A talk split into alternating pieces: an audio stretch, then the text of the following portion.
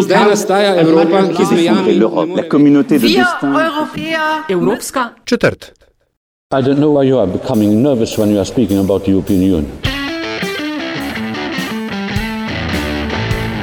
Spoštovane in cenjeni, dobrodošli v podkastu Evropska četrt, podkastu o vsem, kar vas bo zanimalo o Evropski uniji, pa niste vedeli, koga vprašati. Evropsko četrt vodiva Nataša Briški in Aljaš Pengovitenc. Podcast domuje na spletni postaji metinalista.si v vašem nabiralniku, pa sveža epizoda takoj, ko je na voljo. Svežem in zadnja v tej sezoni pa je prav ta, pred vami 42. v Adamsovem štoparskem vodniku po galaksiji. Je to odgovor na vprašanje o vesolju, življenju in sploh vsem. Uh, Aljaš, ti si bil ta teden na posebni misiji, si dobil vse odgovore. Odgovor je seveda 42, ampak eh, kot vemo iz Štoparca, je se potem eh, postavi dilema, kakšno pa je vprašanje. No, vprašanje je bilo eh, veliko, odgovorov tudi kar nekaj. V zadnji epizodi druge sezone se namreč pogovarjava, se pogovarjamo s komisarko v Evropski komisiji, zadolženo za transport, Violeto Bulc. Kako je bilo? So te prijazno sprejeli? Um, ja. Moram reči, da je Kje sta se dobila? v Berlajmontu, se pravi glavni stavbi Evropske komisije, Koliko časa si do tja potoval? oh, tri ure pa še nekaj. Vlak predvidevam. Ja, vlak pred, in samo enkrat je bilo treba prestopiti. Preden gremo na vsebino, koliko časa sta debatirala, kaj ti je povedala, kaj bomo izvedeli novega. A, debatirala on the record ali off the record. Oboje, bruto in Oboje. neto. A, bruto povej. in neto. No, a, mislim, da sej tudi bu- a, razlike med bruto in neto ni tako velike, ampak a, mislim, da je vsega skupaj ene pol ure pogovora, potem a, je vsega skupaj nastalo. Tisto, kar pa ni posneto, bo ostalo pa zamolčano. Komisarka Violeta Bulc, najprej neskončna hvala, da ste si zdaj v tem uh, razborljivem in napornem povoljivnem obdobju vendarle vzeli tudi čas za Evropsko četrt in metino listo. Pet let uh, dela v komisiji, za katerega pred šestimi leti je le malo kdo v Sloveniji mislil, da, bo, da ga boste upravljali prav vi. Kako bi uh, ocenili ne, teh vaših uh, pet let, pa seveda z razumevanjem, da vendarle sprašujemo vas? Ne? Ja, najprej hvala lepa za to priložnost in hvala, da ste si vi vzeli čas eh, in eh, nam dali priložnost, meni in moji celi ekipi, da spregovorimo eh, ob eh, skorajšnjem koncu mandata tudi o nekaterih dogajanjih in vsebinah, na katerih smo delali veste čas. Predvsem pa eh, bi se res zahvalila Metjeni listi kot eh, mediju, ki eh, evropske vsebine na uh, inovativen in uh, atraktiven način pripelje tudi do slovenskih poslušalcev in poslušalk. Uh, ker je to ena izmed uh, priložnosti, ki še ni na polno izkoriščena, torej približati evropske vsebine slovenskemu prostoru in mu ga ukrepiti s tem, kako lahko evropski prostor še bolje izkoristi za svojo trajnostno rast in trajnostni razvoj. Eh, Še dobro, da s- snimava samo zvočno, ker zdaj pač mečkam zardevam, ne? ampak vendarle. Pet let je dolga doba, ampak za uh, področje, za portfelj, z lepo slovensko besedo, ki ste ga pokrivali, ki ga pokrivate še uh, do novembra, vsaj, je uh, pet let je malo. Ne. Tukaj stvari se delajo na dolgi rok. Res je, uh, mogoče bi uh, kar postavila se skupaj en uh, okvir 30 let, uh, to je obdobje, o katerem moramo razmišljati na evropskem nivoju, če želimo neke trajnostno vzdržne spremembe tudi upeljati. Uh, zato tudi v okviru EU uh, sem zelo vesela, da smo močno sodelovali pri oblikovanju vizije do leta 2050, uh, ki uh, je zelo jasno naravnana v smeri uh, obvladovanja klimatskih sprememb uh, in pa v smeri izboljšanja učinkovitosti uh, delovanja ne samo ekonomije in uh, poslovnega sveta, ampak predvsem tudi družbe kot celoto. In, no, in ravno v to se upenjajo tudi naši glavni dosežki. Uh, ta vizija nič do 2050 je eno od ključnih um, elementov strategije evropske politike na področju prometa. Prvič vizija nič za razogličenje prometa. Mi smo danes drugi največji onesnaževalc, 24% vseh onesnaževanja in emisij prispevamo in to seveda ni neka častna funkcija.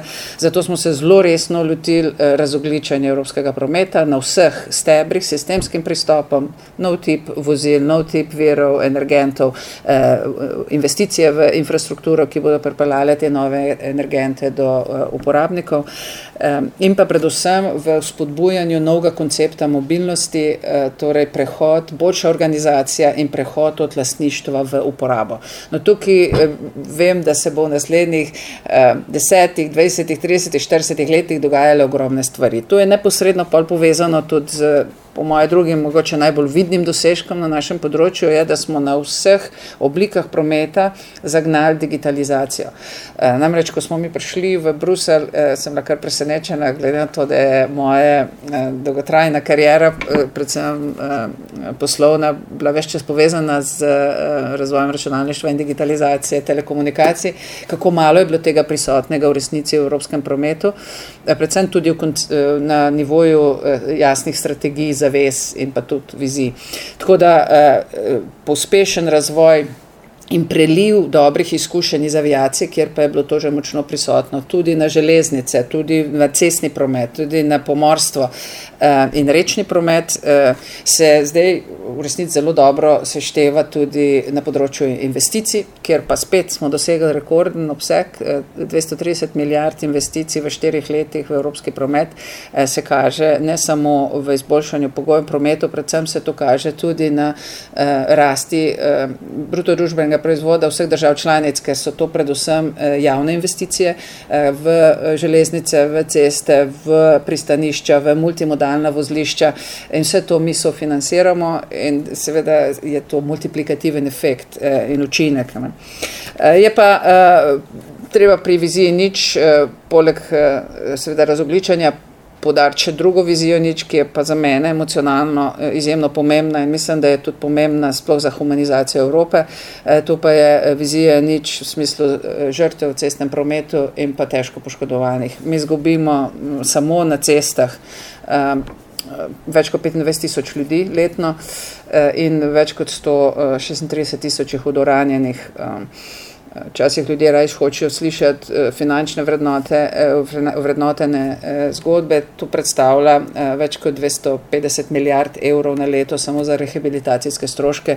In tle sploh ne govorimo še o traumatičnih izkušnjah evropskih družin, ki so za zmeraj, za cel življenje zaznamovane za to, s to vrstnimi nesrečami. Zato se mi zdi, da je bilo to zelo pomembno, da smo aktivirali celoten ekosistem in moram pohvaliti vsi deležniki v tem ekosistemu, sistemu deluje kot družina in zaradi tega uh, vidimo tudi prve resne rezultate na sistemskem nivoju, ne samo uh, od korak po koraku, uh, ampak uh, vidimo, da smo prvič bomo imeli zdaj investicije var, uh, osredotočene na varnost cestnem prometu, uh, imamo nova pravila in uh, ciljne vrednosti tako za uh, za eh, smrtne žrtve kot za težke poškodbe. Eh, imamo prvič eh, dogovorjeno z Evropsko investicijsko banko prav okvir, v okviru katerega se bo izvajalo tudi svetovalne storitve, da se projekti pravilno pripravijo. Skratka, ta vizija nič do 2050 mislim, da je posebno resničljiva, sploh pa z ponovno pomočjo digitalizacije, ki sem jo že prej omenila, kjer pa zdaj korakamo zelo odločno po poti povezanih, sodelujočih, avtomatiziranih vozil in na koncu do 2050 je cilj, da imamo uh, tudi že avtonomno vožnjo uh, na nivoju EU, ki pa bo verjetno največ prispevala k uh, tej viziji nič smrtnih žrtev. Eh, in pa vizija nič eh, v smislu eh, umika vseh papirologij in nekih sistemskih ovir za integrirane logistične storitve in integrirane vozovnice. No, ampak življenje je nekaj, kar se zgodi medtem, ko mi delamo na črta. Pred tedni je komisija kregala države članice um, v zvezi z doseganjem oziroma nedoseganjem ciljev izpustov. Um, kako, kako se vi kot komisarka ali pa kako se vi kot Violeta Bulc ne, potem posebno soočate z to vrstnimi frustracijami. Uh, konkretno, jaz pač zdaj zadnje čase veliko živim v Luksemburgu, uh, tam so jih dobili zelo po prstih. Ne? Ja. Uh, glejte, to je relativno enostavno zdaj ozavestiti, ker predvsem zaradi pritiska klimatskih sprememb, glede tega, da se je stopnja zavedanja, uh, da se okrog nas spreminjajo pogoji, v katerih živimo, um, je v verbalnem in v smislu pisnem, pisnih oblikah, je to zdaj prisotno praktično povsod. Eno za drugo države članice že tekmuje, katera bo imela bolj ambiciozne cilje. Ne sem do 2050 v smislu vizije nič, ampak celo do 2030, vemo, Danska je naznanila 70 procentno razogličenje eh, in tudi Francija postavlja zelo ambiciozne cilje in se ostaja mnogo drugih držav članic. To je ena stvar. Drugo je pa seveda to spraviti v življenje. Ne? In kar se mi zdi zelo pomembno, da vemo, saj na področju prometa, da imamo tri ključne področje, na katerih moramo delati usporedno. Vsako od teh področji ima pa drugačen življenjski cikl. Eno so vozila. E, mislim, da tukaj je bil narejen celo morda največji korak naprej. Z leta 2019, sploh pa v letu 2020, bojo trgi preplavljeni z vozili, ki bodo mnogo bolj čisti. Vsi naznanitve vodilnih proizvajalcev vsaj kažejo v to smer. Eh, na drugi strani mi pospešeno investiramo v infrastrukturo in eh, če morda v tej perspektivi to še ni bilo prevladojoče način eh, v smislu številu projektov, bomo videli v naslednji perspektivi 80% vseh investicij bo šlo v razogličenje prometa. Eh, in tle vidimo recimo železnico kot ključno. Vendar zelo pomembno je seveda, da imamo zaprejemo celoten eh, življenjski krok, kjer je pa tudi proizvodna energija pomembna. Ne?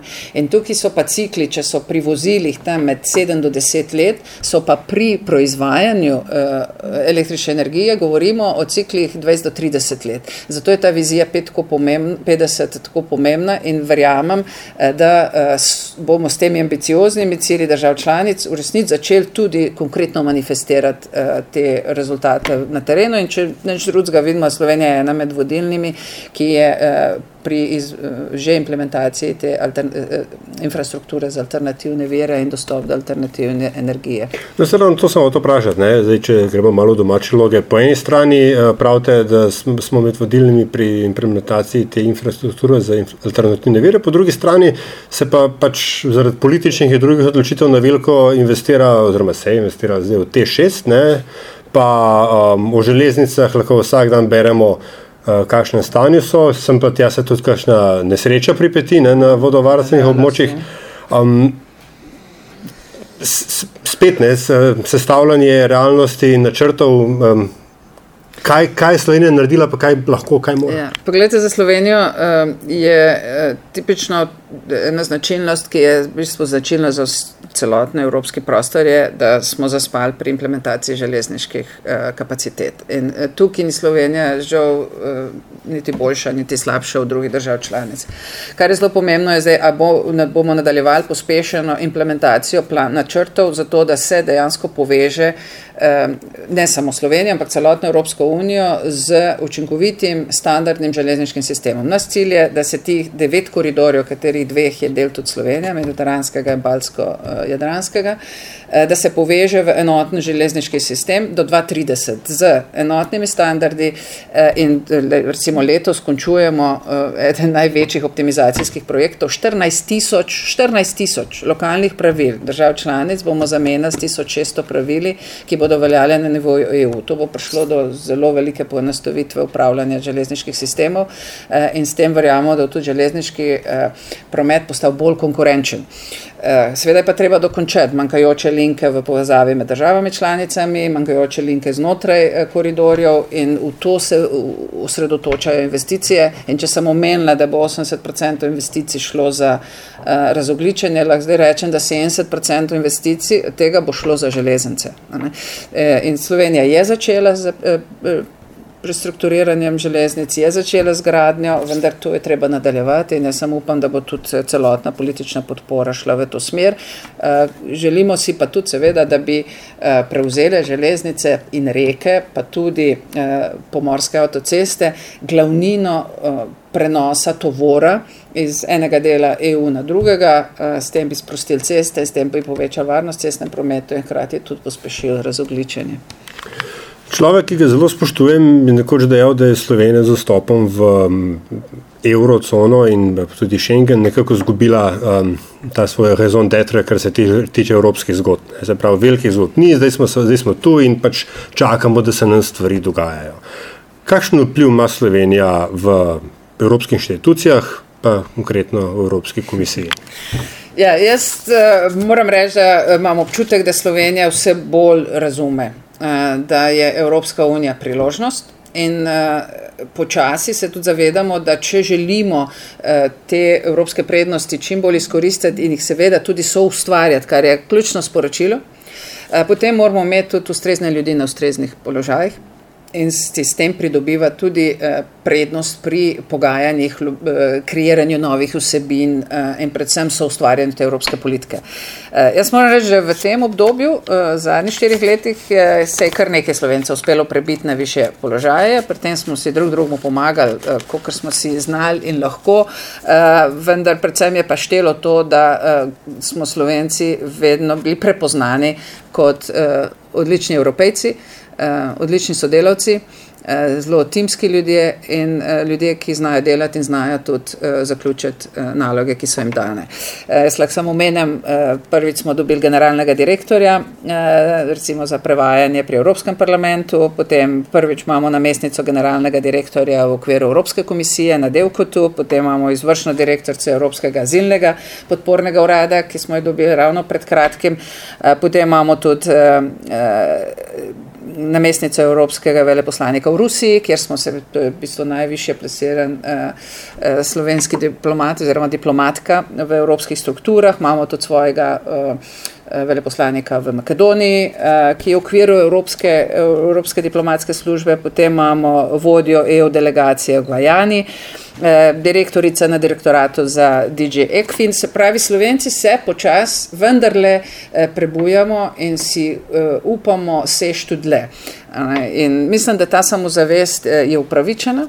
Eh, in bi bilo zelo v redu, da prihaja tudi potem do enega večjega sodelovanja tudi za matično domovino, eh, predvsem zaradi pretoka informacij, zaradi soustvarjanja nekih skupnih vizij eh, in tukaj je priložnost. Jaz vse, kar na, še ni narejeno, vidim kot veliko priložnost in izboljšavo, zato tudi vabim seveda slovenske politike, slovenske gospodarstvenike, da se še bolj vključuje predvsem v začetne faze priprave evropskih strategij in evropskih usmeritev usmeritev, ker takrat se lahko ta naša izkušnja eh, dobro uporabi pri eh, oblikovanju te nove eh, perspektive Evrope. Potem, ko priješ na koncu, ko so vsi dokumenti že spisani, eh, si žal samo še v izvajalski funkciji lahko. Ali pa vno poto. Um, to je zdaj, um, se mi zdi, če vas prav razumem, ste zdaj na dosti bolj prijazen način ne, povedali tisto, kar ste v intervjuju za delo omenili kot patološki odnos uh, Slovencev do Evropske unije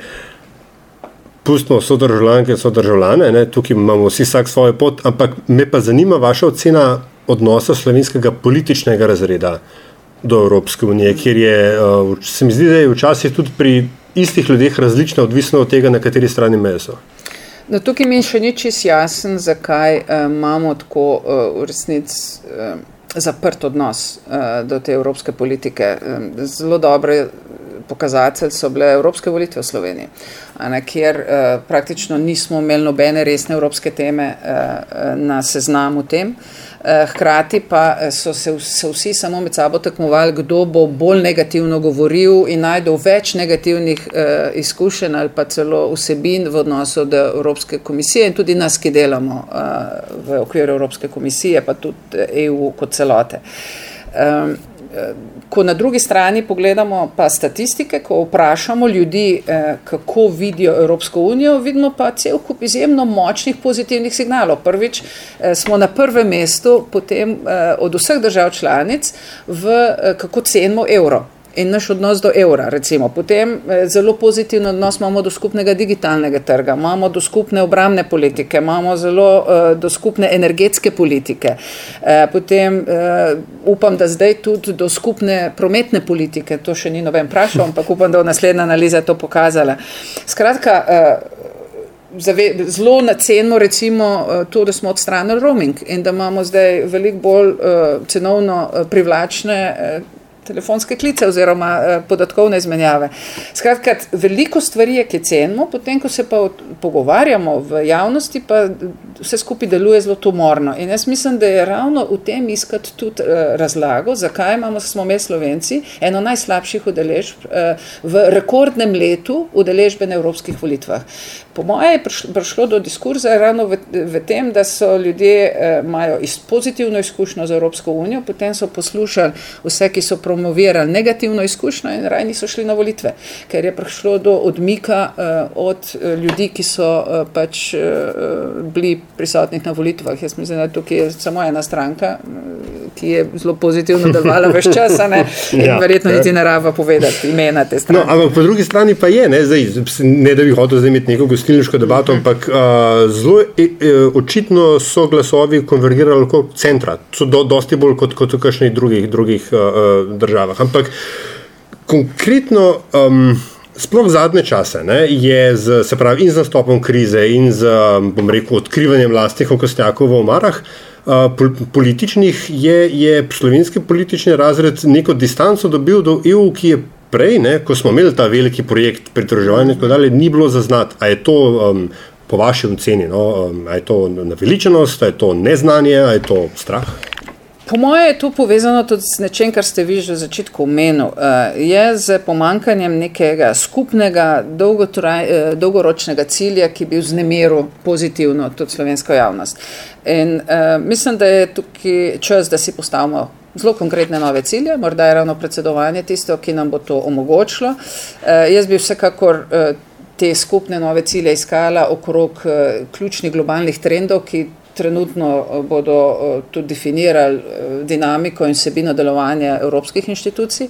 Ena od njih je gotovo klimatske spremembe. Tukaj ima Slovenija ogromno za ponuditi, tako na nivoju start-up skupnosti, malih, velikih podjetij, pa tudi neke politične vizije, samo povezati jo je treba. Od mojega kolega, bivšega komisarja, se pravi gospoda Potočnika, do mojih vsebin, ki smo jih zdaj razvili na prometu, pa tudi vsebin, ki se razvijajo doma. Tako da tukaj mislim, da smo le zelo sovereni suvereni in tukaj bi si znali najti en nov globalni cilj eh, in svojo vlogo v globalni skupnosti, ne samo evropski. Drugo področje, drug globalni trend, ki vpliva, je posledica četrte industrijske revolucije, torej digitalizacija, avtomatizacija, robotizacija, umetna inteligenca. Uh, tukaj ima tudi Slovenija izjemne, ne samo posameznike, ampak tudi že podjetja, kjer uh, je samo potrebno prepoznati na političnem nivoju in uskladiti uh, ambicije in znanja, ki jih imamo, z ambicijami države. In ta dva se zelo dopolnjujeta, ker razogličenja oziroma um, zmanjšanja onesnažanja in emisij in sploh iskan, pri iskanju odgovorov na klimatske spremembe si brez novih tehnologij niti ne znamo dobro predstavljati. Tako da ta dva gresta zelo roko, z roko v roki. Potem je pa še en večji izziv na nivoju ne samo EU, tudi globalnem nivoju, je pa kateri so novi ekonomski in socialni modeli, ki bodo ta planet Zemlja v resnici eh, lahko trajnostno, vzdržno peljali naprej. Eh, in tukaj mislim, da spet Slovenija, ki je relativno mehna, pa vendarle zelo izobražena, ki ima ogromno ene, tudi neke vznemirljive, inovativne moči, bi lahko uh, vsaj ponudila dobro vprašanje. Imamo vodilne filozofe eh, in seveda lepota filozofov je, da postavljajo prava vprašanja in skozi prava vprašanja bi lahko prispevali tudi neki pri oblikovanju neke nove eh, zavesti na EU nivoju. Eh, seveda to bo šlo pa z roko v roki, s četrtim velikim trendom. Ta trend je pa povezan z um, repozicioniranjem sveta. Jaz mislim, da ta uh, bipolarnost, ki smo jo bili vajeni v zadnjih stotih letih, uh, bo resno izvana, oziroma je že. In verjetno prihodnost bo v večjem številu globalnih sil in ta multilateralnost, eh, ki eh, je seveda trenutno tudi jedro spora, je verjetno eno od vzvodov za iskanje novega modelov sodelovanja na globalni ravni. In tukaj spet mi imamo izjemne izkušnje s tem in smo lahko tudi eden izmed katalizatorjev teh novih globalnih odnosov, ne da bi hotela biti tukaj zdaj pretendenciozna, ampak ne smemo pozabiti, da mi prihajamo za enega najbolj dinamičnih okolij. Jaz večkrat povem zgodbo moje stare mame, ki je v svojem življenju zamenjala sedem držav, pa je vedno živela na isti kmetiji in to pokaže na to dinamiko prostora in to so dobre izkušnje, da jim začeti tudi pozitivno izkoriščati in znati v tej raznolikosti eh, seveda pripeljati do nekih skupnih ciljev in nekih skupnih uh, uh, projektov. Tako da jaz vidim veliko priložnosti. Strankarska politika so se večkrat uh, dotaknila, ne? zdaj prvi polčas evropskih volitev je minil, drugi je v polnem teku, uh, iskanje novega predsednika ali predsednice Evropske komisije. Mečka uh, se v prazno vrti, ampak to je tudi del, del, procesa. Vi ste svojo favoritko um, jasno uh, povedali, kdo je, kdo je vaša favoritka, um, ampak kaj pa, kakšen je pa vaš položaj v mestnem času? Nekako se mi zdi, da ste vi šele potem, zares, po volitvah, res predstavili v neko um, kampansko obliko, da tako rečem. Um, lekte, kot prvo bi jaz rekel, da je. Eh, proces, eh, kateremu smo zdaj priča pri iskanju novih uh, voditeljev Evropske unije, uh, v bistvu prav demokratičen proces. In uh, sem prva, ki je proti amerikanizaciji uh, volitvenega sistema. Uh, jaz mislim, da demokracija, uh, kot jo uh, testira in uh, tudi manifestira Evropska unija, uh, je tista, v katero upam, da se bo svet premaknil naprej. Uh, Absolutno ni vse odlično in super, ampak uh, tudi eh, na področju izvajanja demokracije so potrebna nova urodja, novi načini delovanja in ta evropski koncept uh, trojnosti, uh, ki uh, se premika naprej od te dvojnosti, uh, ki smo jo bili do zdaj vajeni, uh, ponuja uh, povsem nov poligon razvoja demokracije. Zdaj, uh, Na kakšen način pa zbrati voditelje, je pa veliko vprašanje. In jaz bi predvsem tukaj, in sem zelo tudi jasna in glasna v skupnosti, v kateri se zdaj ta pogajanja dogajajo, da eh, pravila, za katere verjamemo, da se jih je treba držati, ne moramo postavljati za nazaj. Ampak iz te izkušnje, ki jo imamo danes, potem postavimo pravila za naprej. Tako kot se v Sloveniji oglašajo veliki, ki pravijo, da ja, komisar ali pa komisarka mora biti izvoljen. Prav, dajmo potem taka pravila postaviti, pa pejmo na volitve. Sem, eh, je zelo uh, nekorektno in nesmiselno zdaj pravila postavljati, po katerih se obravnavajo pretekli dogodki. No, jaz upam, da bo ta modrost prevladala tudi na nivoju EU. Eh, trenutno je seveda veliko vprašanj eh, okrog teh tako imenovanega špicel kandidata, kaj to pravzaprav je, na kakšen način naj se izvede. Eh, kot rečeno, jaz bi se rada izognila, da imamo štiri leta nekega volilnega sistema, ki več čas samo preko dveh ali treh posameznikov poskuša pridobivati glasove. Jaz mislim, da se mora Evropa vse bolj, se mora res osredotočiti na vsebino. Eh, in eh, iskati neko demokratično obliko, v obliki nekih timov, nekega eh, mogoče celo res transnacionalnih list, kot je recimo Alde ponudil za te volitve. To je bil spet en test in pozitivni rezultati. Mi smo vendarle skupina, ki je največ pridobila sedežev v Evropskem parlamentu, kažejo, da morda pa je to neka prava formula. Ne? Zdaj, kdo bo bodoči predsednik ali predsednica v komisiji, v svetu, v parlamentu, eh, to je zdaj že pravzaprav zgodovina. Ne? Zelo pomembno pa bo, da bomo iz tega, kar zdaj nastaja, postavili nove koncepte za naprej in dali zelo jasno sporočilo za naslednje volitve, kako želi Evropska komisija zbirati svoje eh, predstavnike in predstavnice, tudi na pozicijah, ki niso neposredno danes, danes voljeni. To so vse zelo super slišne, ampak osebne ambicije verjetno obstajajo, ne? tudi vaše. Moje osebne ambicije, eh, meni je bila to izkušnja življenjska. Jaz sem hvaležna Sloveniji, hvaležna sem eh, predsedniku vlade, da me je takrat in vladi, da me je potrdila in predlagala. Um, Vidim se pa lahko na raz, mnogih različnih eh, pozicijah. Eh, zdaj, seveda, o naslednjem komisarki ali komisarju bo odločala vlada in jaz verjamem, da bo naredila tisto, kar Slovenija potrebuje, da bo sprejela eh, pravo odločitev. Eh, Jaz bom pa v vsakem primeru iskala možnosti nekje v kombinaciji med Slovenijo in svetom, ker eh, teh pet let izkušenj in vsi rezultati, ki smo jih uspeli doseči, mislim, kažejo na to, da je v resnici tudi politika so samo ljudje, eh, da v politiki se vsi dogovori sklepajo v resnici na človek, do človeka nivoju ne, in da prevladujejo človeške vrednote in predanost končnim rezultatom. Tako da, eh, ne glede na to, kakšna bo funkcija in kakšen bo naslov, eh, moja prihodnost bo gotovo nekje v kombinaciji med eh, slovenskim in mednarodnim prostorom. Ne, da bi praskal, ampak ker so bile besede izrečene, ne, vi ste jasno povedali, da če bi vam bilo ponujeno, bi, bi jo sprejeli. Premijer Šarc uh, je potem zelo hitro jasno rekel, da ne ve kdo, ampak da vi pa ne. ne. Nasploh se mi zdi, da je v Sloveniji neka ena blazna serija, da ta ne sme, ta ne sme, ta ne sme, ne vemo pa kdo bi. Ne. Um, ampak, če se recimo zgodi, da mm, ne nadaljujete slovenske tradicije in ne dobite še, še enega mandata, kaj bi svetovali vašemu nasledniku ali mm. naslednici? A, oziroma, ne, zdaj moram dve, vpraš dve vprašanji dati. Um, če bi uh, bili, um, če bi vam ponudili uh, naslednji mandat, kje mislite, da kateri portfelj bi Sloveniji najbolj ustrezal? Ko se bo zbirala komisarka ali pa komisar, um, zelo pomembne so izkušnje življenjske. Ker uh, je zelo dobro, če ima država na tej poziciji izdelanega človeka, uh, ki uh, ve, kakšne so vrednote, ki jih zastopa, ker ta služba je zelo izpostavljena in se mnogo kopi lomi na njej. Um, zelo dober je tudi uh, razumeti, to je pa bolj s kakšno popotnico ne gre ta komisarka ali pa komisar v Bruselj. Uh, zelo v redu je, da Slovenija ve, kje so njene ključne prioritete in se na osnovi tega tudi izbira portfelj. Uh, Jaz upam, da s tem, ko je, smo takrat malo bolj po nesrečku, po sreč dobili prometni portfelj, smo v resnici eh, dobili nekaj, kar smo zelo močno rabili. In jaz, ne glede na to, da morda na političnem nivoju je bilo to vidno, ampak z. Eh, z podjetji v Sloveniji smo pa vse čas zelo intenzivno delali in mnogim pomagali, da so eh, najdeli svoje mesto tudi v evropskih integracijah.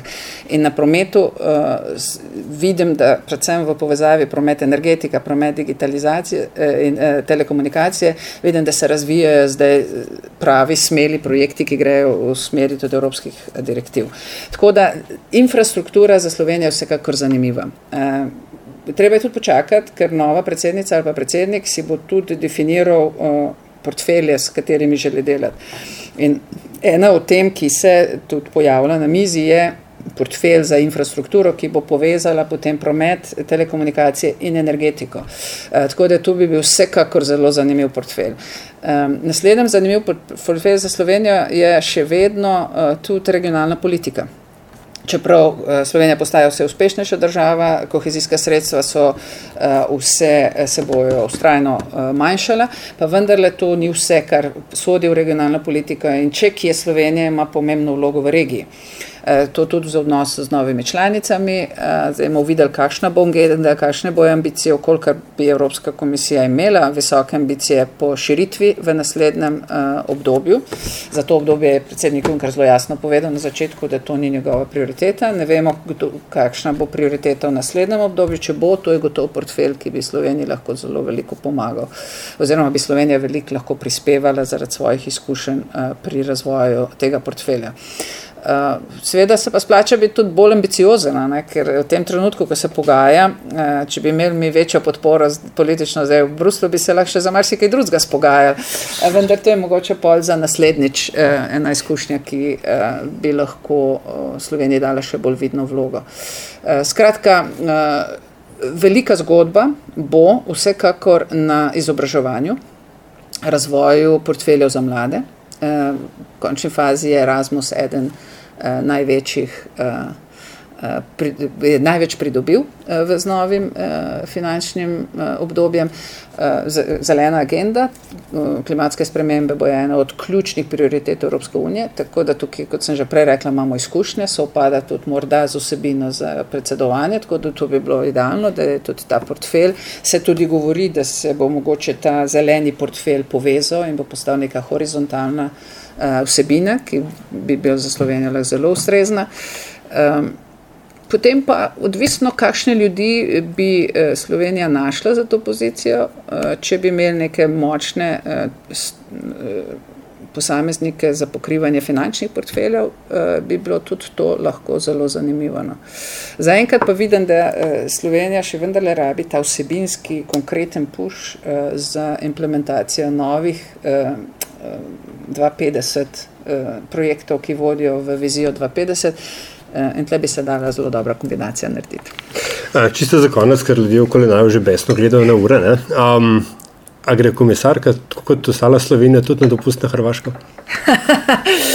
um, trenutno, mi imamo avgust, eh, avgusta dopust, trenutno imam rezerviran teden na pokljuki, za vse ostalo je pa še odprto.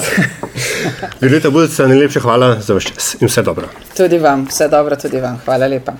To je bila komisarka Violeta Bulc s komisarkinim portfeljem. Povezano novico pa končujeva to epizodo in to sezono Evropske četrti.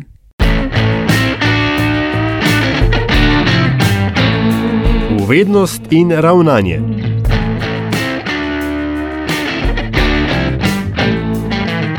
Evropski statistični urad Eurostat je objavil podatke o tem, kdo v Evropski uniji najraje in veliko potuje ter na kakšne načine. Podrobnosti o tem boste lahko preverili na priložene povezavi pod črto pa, v primerjavi z letom 2016, se je število turističnih potovanj prebivalcev Evropske unije povečalo za 4 odstotke, tri četrtine vseh potovanj pa je bilo opravljenih v državi prebivališča. In evropejci najpogosteje potujemo z zasebnimi ali najetimi motornimi vozili, večinoma gre za avtomobile. Slovenci, med vsemi prebivalci EU, najpogosteje potujemo z motornimi vozili, skupaj z Grki pa najredkeje z vlakom. Ali je tvoje najljubše prevozno sredstvo? Ali pa najpogosteje uporabljaš? Razlika, ne? Ja. Ampak včasih bi ti rekel, da je najljubše letalo, danes pa, če sem čisto odkrit, karkoli, da le meni ni treba voziti in da je dovolj udobno. Mm, Pri meni je odgovor avto. Najljubše. Preveč časa. Um, Briški rada grem. sem. Ja, rada. Ne, ne, rada vozim. Kaj si pričakoval, kolo? Ne, ne vem, kaj pa varstvo planeta. Ne, jaz se rada pa- vozim. Meni je v Ameriki potovati bilo, recimo, kjer so veš, debele, široke ceste. Dobro, Amerika je A, druga, tam je poceni benzin ja. ustavna kategorija. Veš. Pa veš, zakaj mi je še fino potovati z avtom? Ker je to priložnost, ko se res naposlušam podcastov. Res, to pa res. Kaj in studio mi je avto. Ampak, ok, ja, bolj zdravo je jeti na bicikl ali kaj podobnega. ja. Ampak zaenkrat še avto. No, čez poletje A- boš seveda lahko temeljito premislila o svojih mobilnostnih navadah. Ampak res, to je bila zadnja epizoda v drugi sezoni, 42. v vesolju. Hvala za pozornost, ki ste nam jo namenili. Vse predloge, mnenja, pohvale in kritike, ki ste jih delili z nama. Hvala. Avtor glasbene podlage v drugi sezoni in upamo, da tudi še v kakšni naprej je Peli iz Afšna Hišenbend, ki se mu na tej točki še enkrat globoko zahvaljujeva.